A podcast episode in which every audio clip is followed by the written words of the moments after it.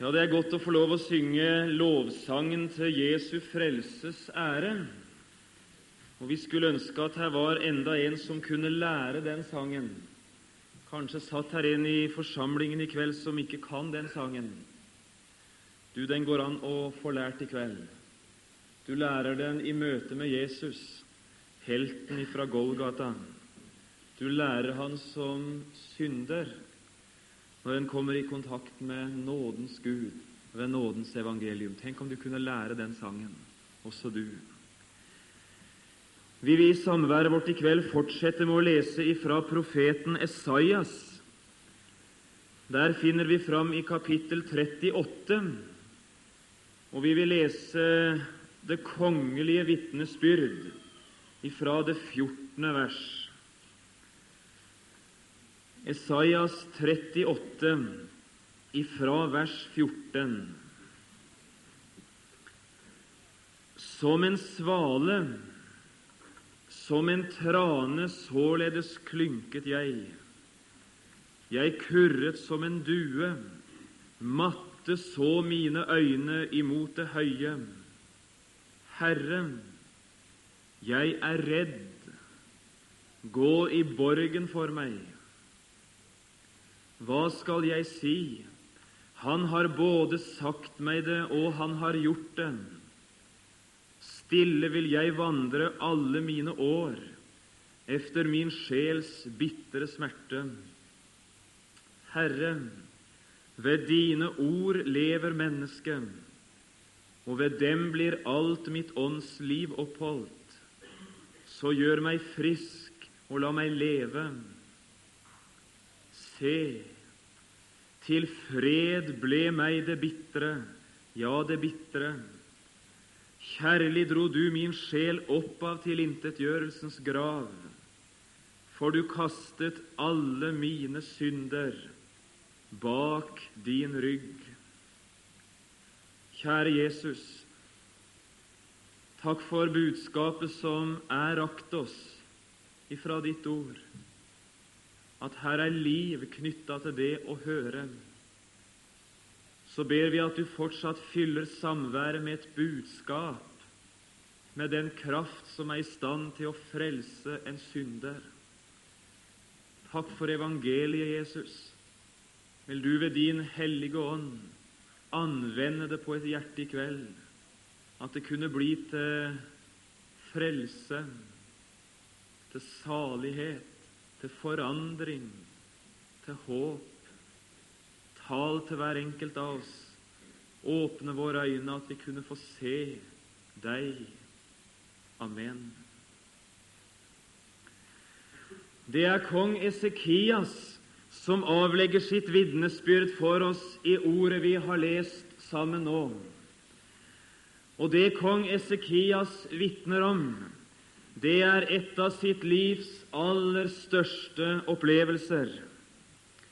Han fikk gå et ganske bestemt veistykke, denne kongen, nemlig veistykket fra frykt til fred. Du la gjerne merke til hvorledes han i nød bryter ut. Matte så mine øyne imot det høye. Herre, jeg er redd. Og så opplever han å få møte en som så den fryktsomme sjel, og som var i stand til å ta seg av han på en sånn måte at her ble født et vitnesbyrd ut ifra opplevelsen han fikk. Til fred ble meg det bitre. Her var en som kom og som førte han det viktige veistykket i livet fra frykt til fred. Det var noe som var i uorden, og fordi det var i uorden, var Esekias redd. Så fikk han se en som hadde ordnet det som var galt, og i samfunn med han ble frykten forvandla Hjertet fyltes av fred. Det var i orden nå. Jeg har så lyst til å spørre deg som er på møte nå i kveld. Er det veistykket et kjent veistykke i ditt liv? Er det det? Har du gått de skritt, de viktige skritt, som denne israelskongen en dag gikk, ifra frykt til fred?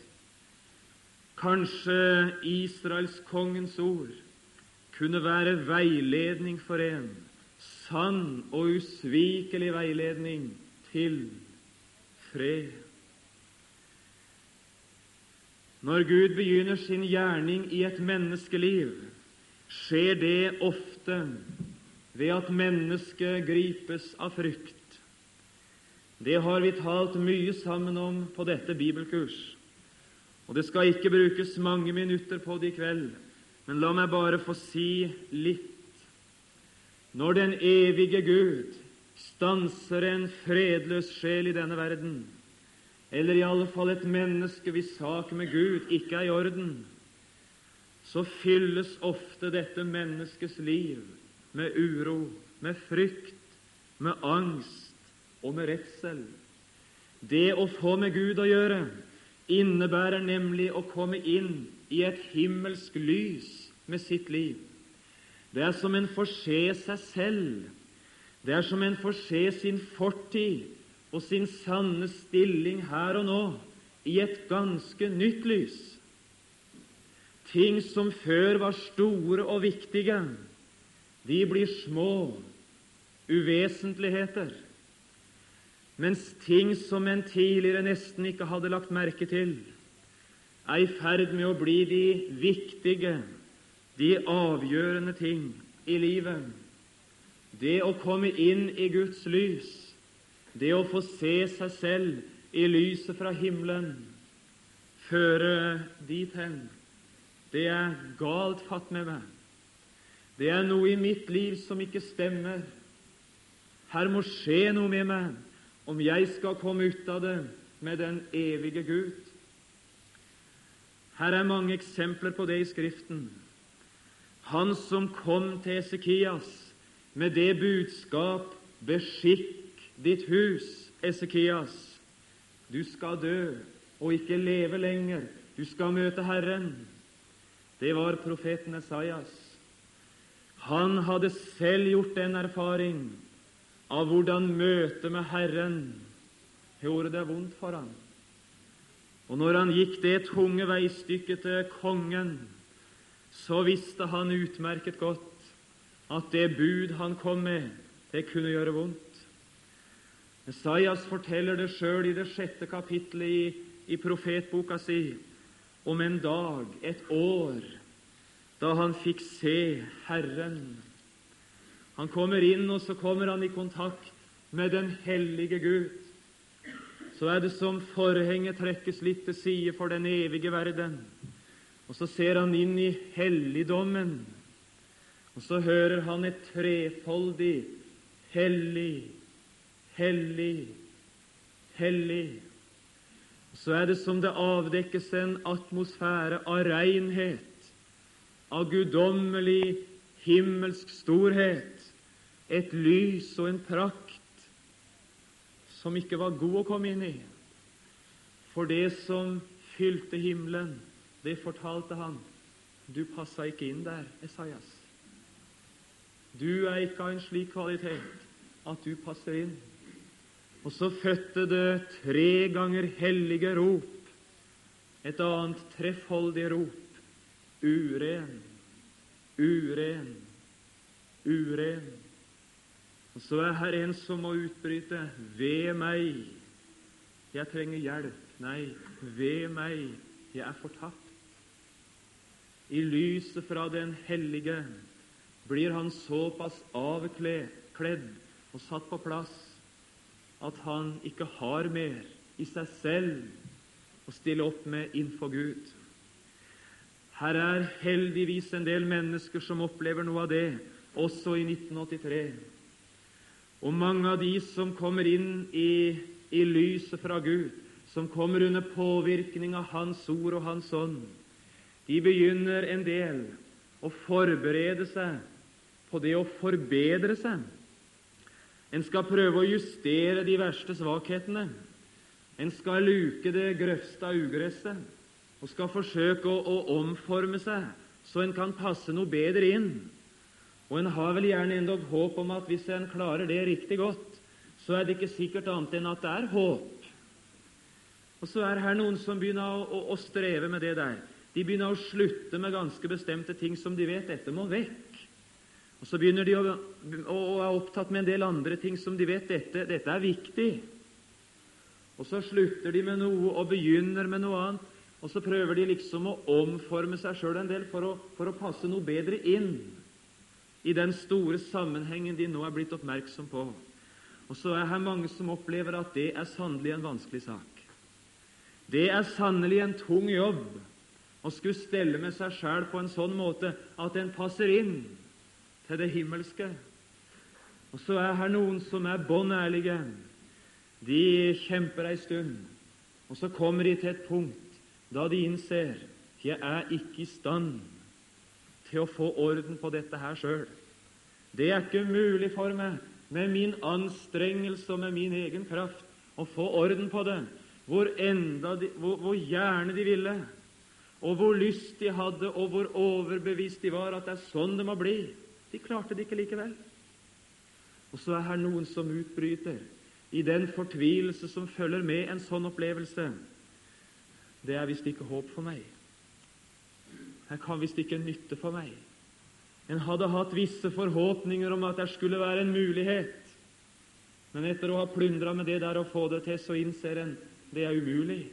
Og så er her noen som sier jeg trodde det skulle være mulig for meg å få orden på forholdet mitt til Gud, men nå har Gud forlatt meg. For så håpløst som det er for meg nå, har aldri vært. Og Så er de ikke i stand til å bestemme, bedømme sin egen stilling, altså. For er de forlatt av Gud, disse menneskene? Nei, det kan du tro de ikke er. De har aldri hatt så mye med Gud å gjøre som de har nå. Og de har aldri vært så nær Han som de er nå. Det er bare de er ikke oppmerksom på at det er fordi de har kommet så nær at de har begynt å bli fratatt seg selv. Og så er den evige Gud ikke i ferd med å gå bort, men han er i ferd med å hente de inn. Jeg har så lyst til å si til deg, hva enten du er ung eller eldre, du har gjort den erfaring i livet ditt at du er iallfall oppmerksom på den ting du holder ikke mål for Gud som du sjøl er. Det er ikke med din tilstand slik at du kan være trygg for den evige verden. Det har Gud sjøl fortalt deg. For hadde ikke Han sagt det, så hadde du aldri visst det. Og hadde ikke Han overbevist deg om det, så hadde du aldri bøyd deg for det. Du har hatt mye mer med Gud å gjøre enn du vet om. Og jeg skulle ønske vi var i stand til å føre mennesker dit hen at de mista seg sjøl. For det er ved å miste seg selv at en kan finne noe seg bedre. Her er en del mennesker i denne verden som ikke liker den tanken som er brakt på bane nå. Kan det virkelig være rett å tale om den evige Gud på en sånn måte at mennesker blir skremt? Det kan da ikke være den kjærlige Gud som vil skremme syndere i denne verden. Er han ikke kjærlighet, den evige Gud? Og er ikke kjærlighetens vesen at han vil fred og godhet? Og så er her noen som sier det er ikke Gud som vil at mennesker slik skal få det vondt, men det er en forfeila kristen forkynnelse som skaper sånt, og den forkynnelsen liker de ikke. Vi vil ikke akkurat ha det slik at vi aldri hører forkynnelse. En er verken imot kjerke eller kristendom. Det er bare det at det, det er visse ting en ikke liker.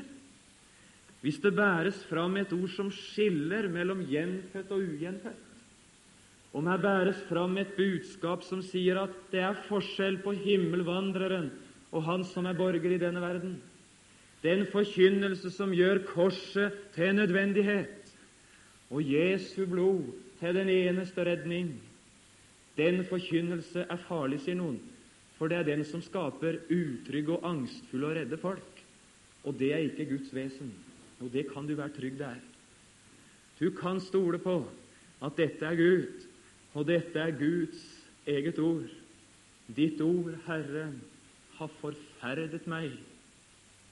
Det er salmistens ord. Ditt ord, Herre, det har forferdet meg. Tenk deg litt, bare. Hvis det forresten var sant, at det var en forfeila, gammeldags, pietistisk lekmannsforkynnelse som skapte slik angst og unødvendig frykt, da er det rart at ikke det har blitt mye bedre de siste tiåra. Det, det er underlig. For aldri har vel Ola Nordmann vært så lite lydhør for den forkynnelse som han er i 83. Og Skal vi være bånn ærlige, så har vi vel aldri hørt så lite av den forkynnelse heller som vi gjør i dag. Det skulle jo vært mye mindre fryktsomme og urolige og angstfulle mennesker i 83 enn noen gang hvis det var den forkynnelsen som var årsaken. Nei, du kan være trygg. Det er ikke forkynnelsen det er noe gærent med, men det er synderen Forkynnelse kan du løpe ifra, men ikke Gud, og ikke dine synder. Og Det er derfor det er like mye urolig og angstfulle sjeler i 83 som det alltid har vært. Jeg har så lyst til å si vi må aldri slå av på det. Mennesket er en synder, og fordi han er en synder, så må det bli tatt såpass på alvor at vi møter han der han er, og veileder han dit han egentlig hører hjemme. Når møter vi Skriften, det første redde mennesket? Vi møter han i eden. Og Jeg syns det er altså så betegnende. Her står han, Adam, skapt av Gud. I fortrolig samfunn med Herren hadde han vært. Det var såre godt alt, og du kan stole på de erfarte det, både Adam og Eva. Det er godt.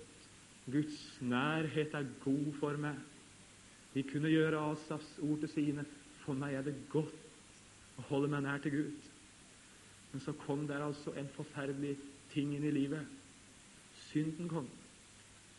Og så står der om disse fortrolige gudsskapninger i denne verden. De gjemte seg, står det, da de hørte Gud, Herren, vandret i hagen. De gjemte seg. Og da ropet lød, 'Adam, hvor er du?' Så skolv de av frykt. Og i all verden var det som hadde gjort de trygge, fine Guds menneskeskapninger så redde? Du, synden var kommet. Og da synden kom, så fødtes frykten.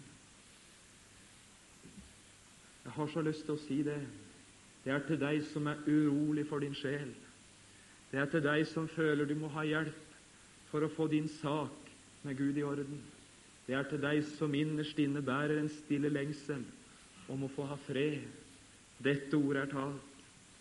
Og kunne han, så het Esekias nå, få fortalt dem med stille, enkle ord hvordan han fant veien fra frykt til fred, så skulle du følge han og gå den.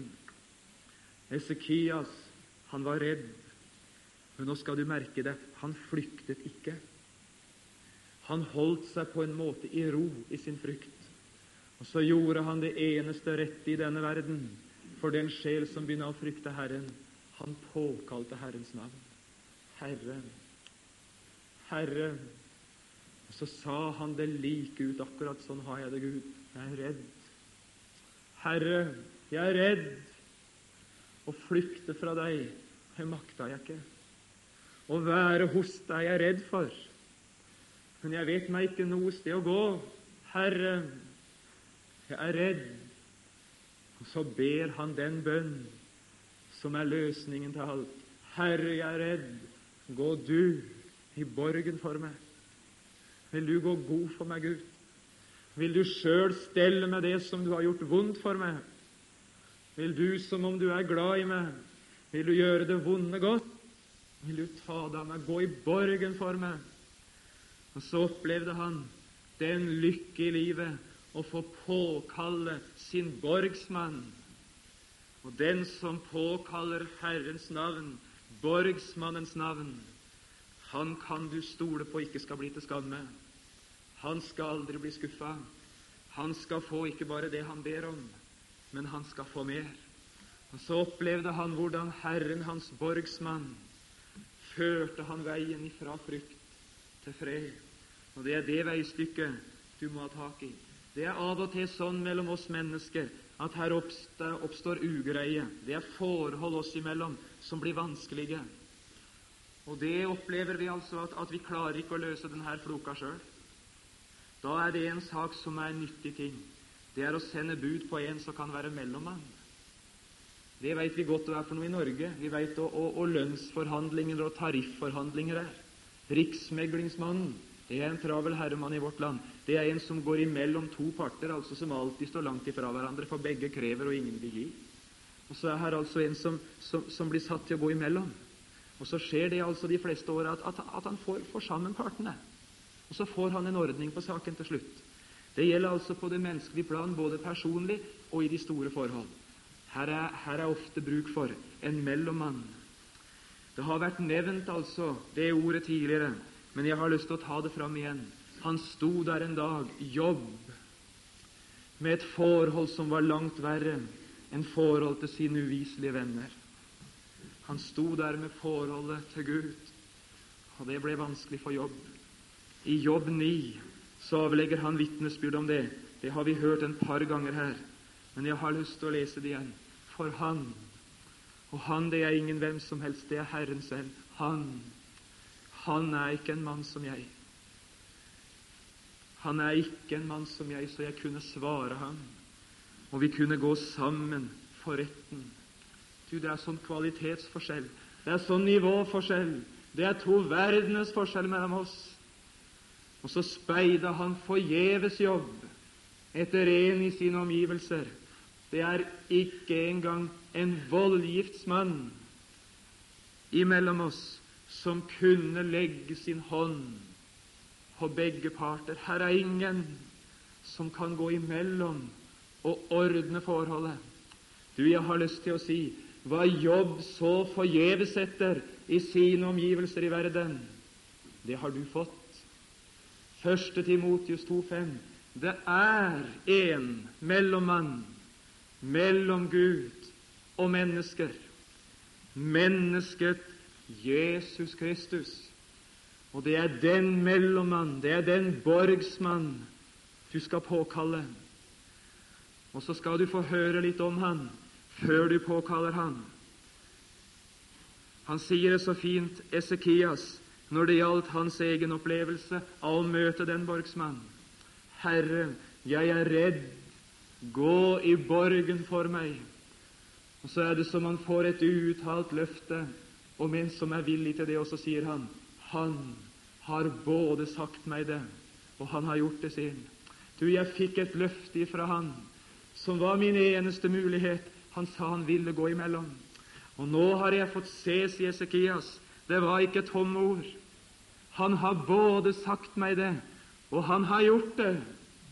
Han grep inn, og han gikk imellom.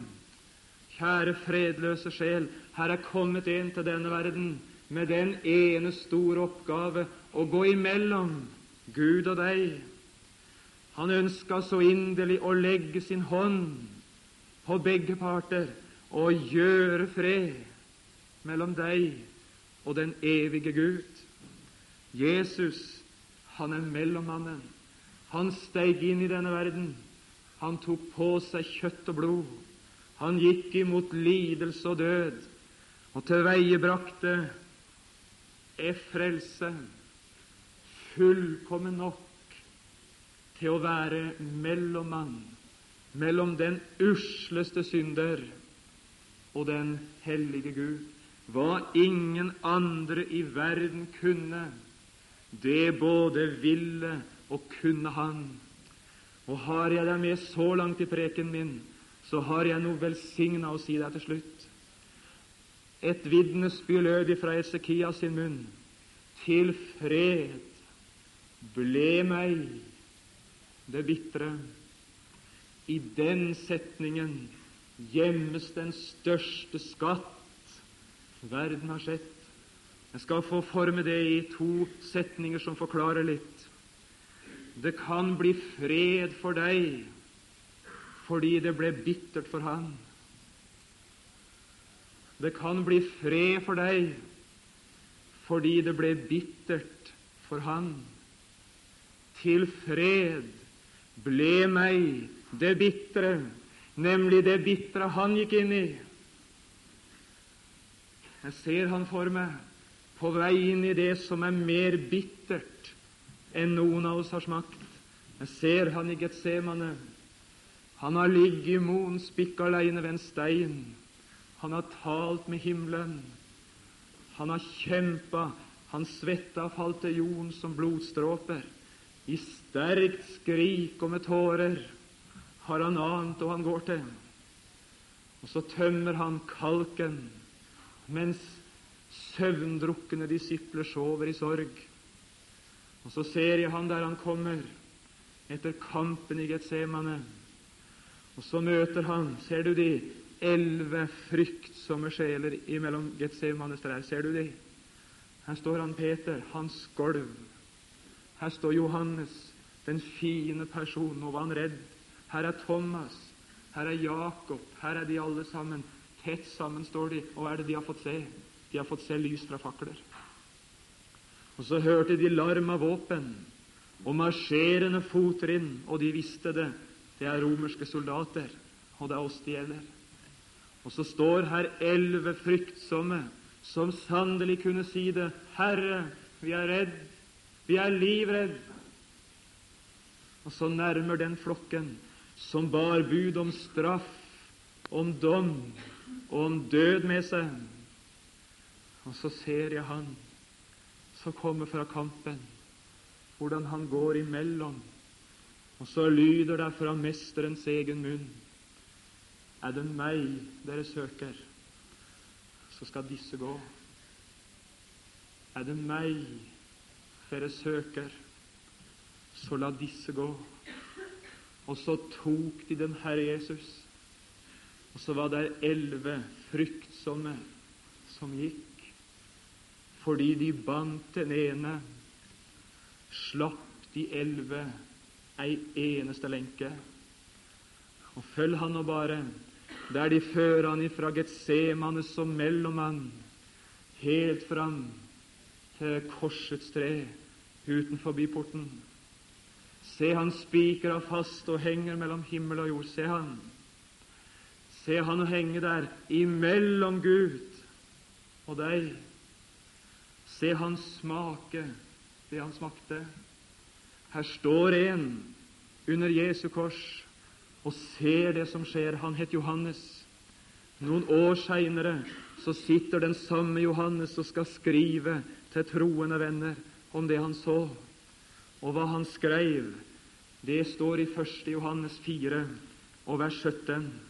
Han så noe i mellommannens gjerning den dag som tok han, som ble livet for han.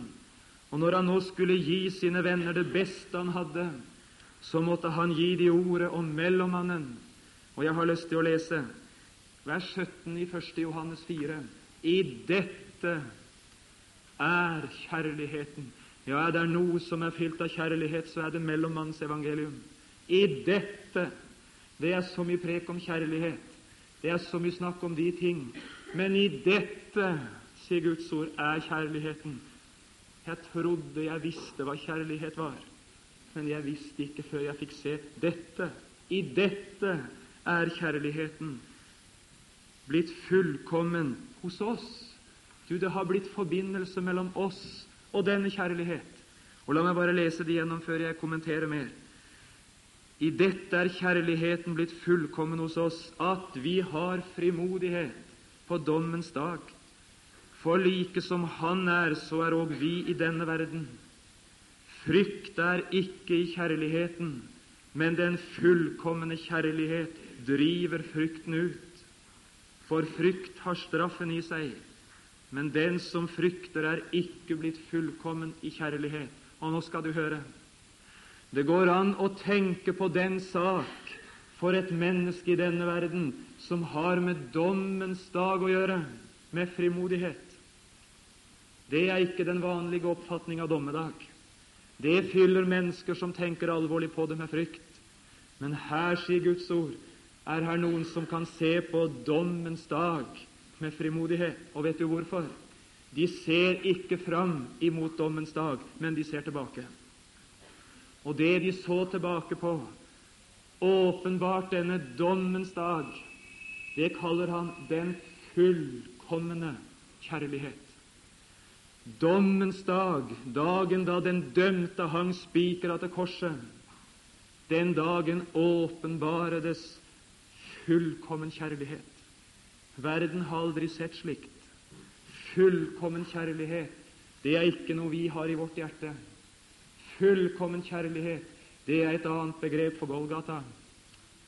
Og står her om Golgata denne dagen, det må du ha fatt i vers 18. Den fullkomne kjærlighet driver frykten ut.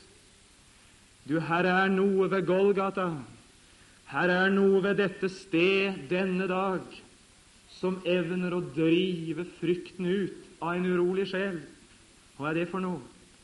Ja, Det forklarer han. Og hva er grunnen til at vi var redde? Frykt har straffen i seg. Det er derfor så mange frykter med tanke på dommens dag og det begrepet. For de erkjenner det har med straff å gjøre. Det har med, det har med dom å gjøre. På grunn av synd og fortid og livet jeg har levd, så frykter jeg den dagen, for jeg frykter straff. Nå skal du høre noe fint. Vet du hva, hva den fullkomne kjærlighet sier om den straff du frykter? Den straff du har fortjent, den straff du veit du er i fare med å bli ramma, den straff som er av en sånn kvalitet at når den rammer, så er det ingenting igjen, bare lidelse. Vet du hva der står? Straffen ble lagt på ham. Kan du se det? Straffen du hadde fortjent, straffen som innjog en redsel i hjertet ditt, Straffen som var skapt i erkjennelsen du hadde synd. Dette var ikke i orden. Straffen ble lagt på ham. Hvorfor? For at vi skal ha fred. Du, her satt en bundet i fengsel i Jerusalem. Jeg har talt ofte om han, og jeg fryder meg å få tale om han. Han hadde ikke bedt om det. Han hadde ikke fortjent det. Han var ikke engang oppmerksom på det. For mens han satt der og så mot en eneste ting, mot straff og dom og død, så var her en som gikk hans veistykke i døden. Så var her en som gikk inn under det han skulle hatt. Straffen ble lagt på ham for at han Barabas skulle ha fred.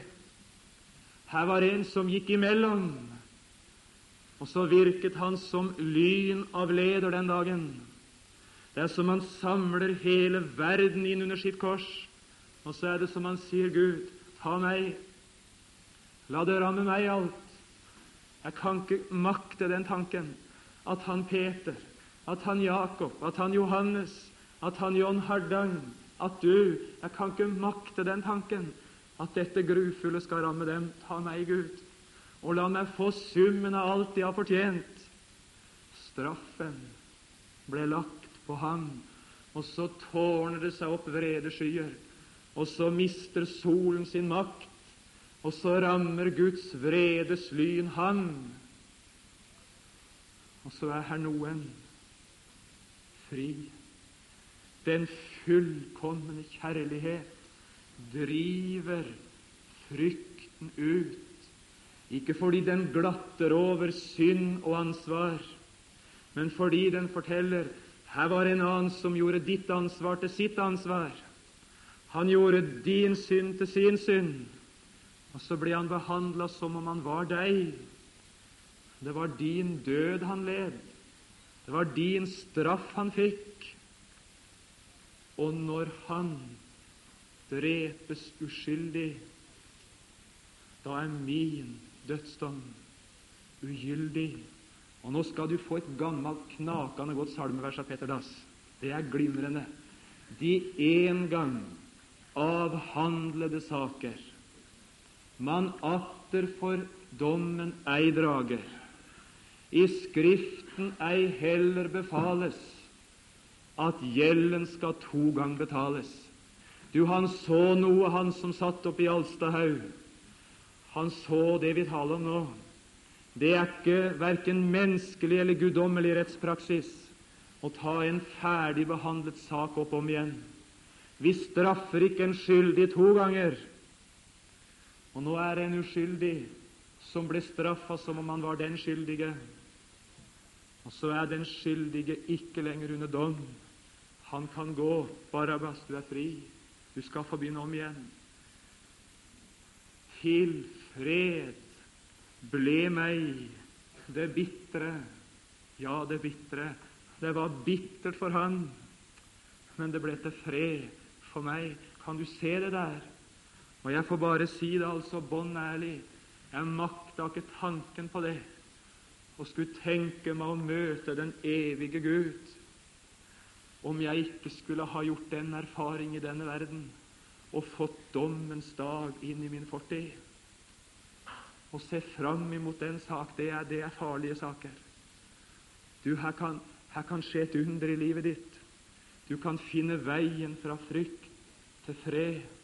Og jeg skal si det ble ikke uten resultat i Esekias. Det er siste setning denne kvelden. Det kan bli fred for deg fordi det ble bittert for han. Og det som er bittert for deg, det skal måtte vike og bli til fred. De hadde i Israel ganske bestemte krav til en som skulle være mellommann i, i landet sitt og i samfunnet. Og Det syns jeg er så flott altså å ta fram. Jeg skal bare nevne det der enkelt, for det forteller meg Jesus er fullgod i alle henseende. De krevde fire ting av en jødisk mellommann. For det første han måtte være godt kjent med begge parter. Ellers var han ikke i stand til å være mellommann. Og som det er sant om den Herre Jesus sann Gud ifra evighet av. Du kan stole på han kjente den part. Prøvet i alle ting i likhet med oss, dog uten synd, kjent med våre kår. Og som han innfrir, kjent med begge parter.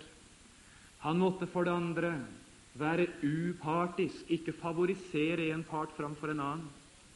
Å, men jeg kjenner en som er upartisk.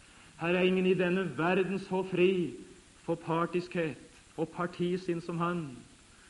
Lik overfor fattig og rik, lik imot oss alle, upartisk. Han måtte være rettferdig, det var det tredje. Ingen skulle ha måttet si om hans dom den var urettferdig. Og innrømte endog Jesu fiende sannelig, denne mann var rettferdig. Og så er her fjerde ting, og det er det jeg vil fram til når jeg nå øyeblikk slutter. En mellommann om han var kjent med begge parter og upartisk og rettferdig, så måtte han antas av begge parter. Han måtte godkjennes av begge parter.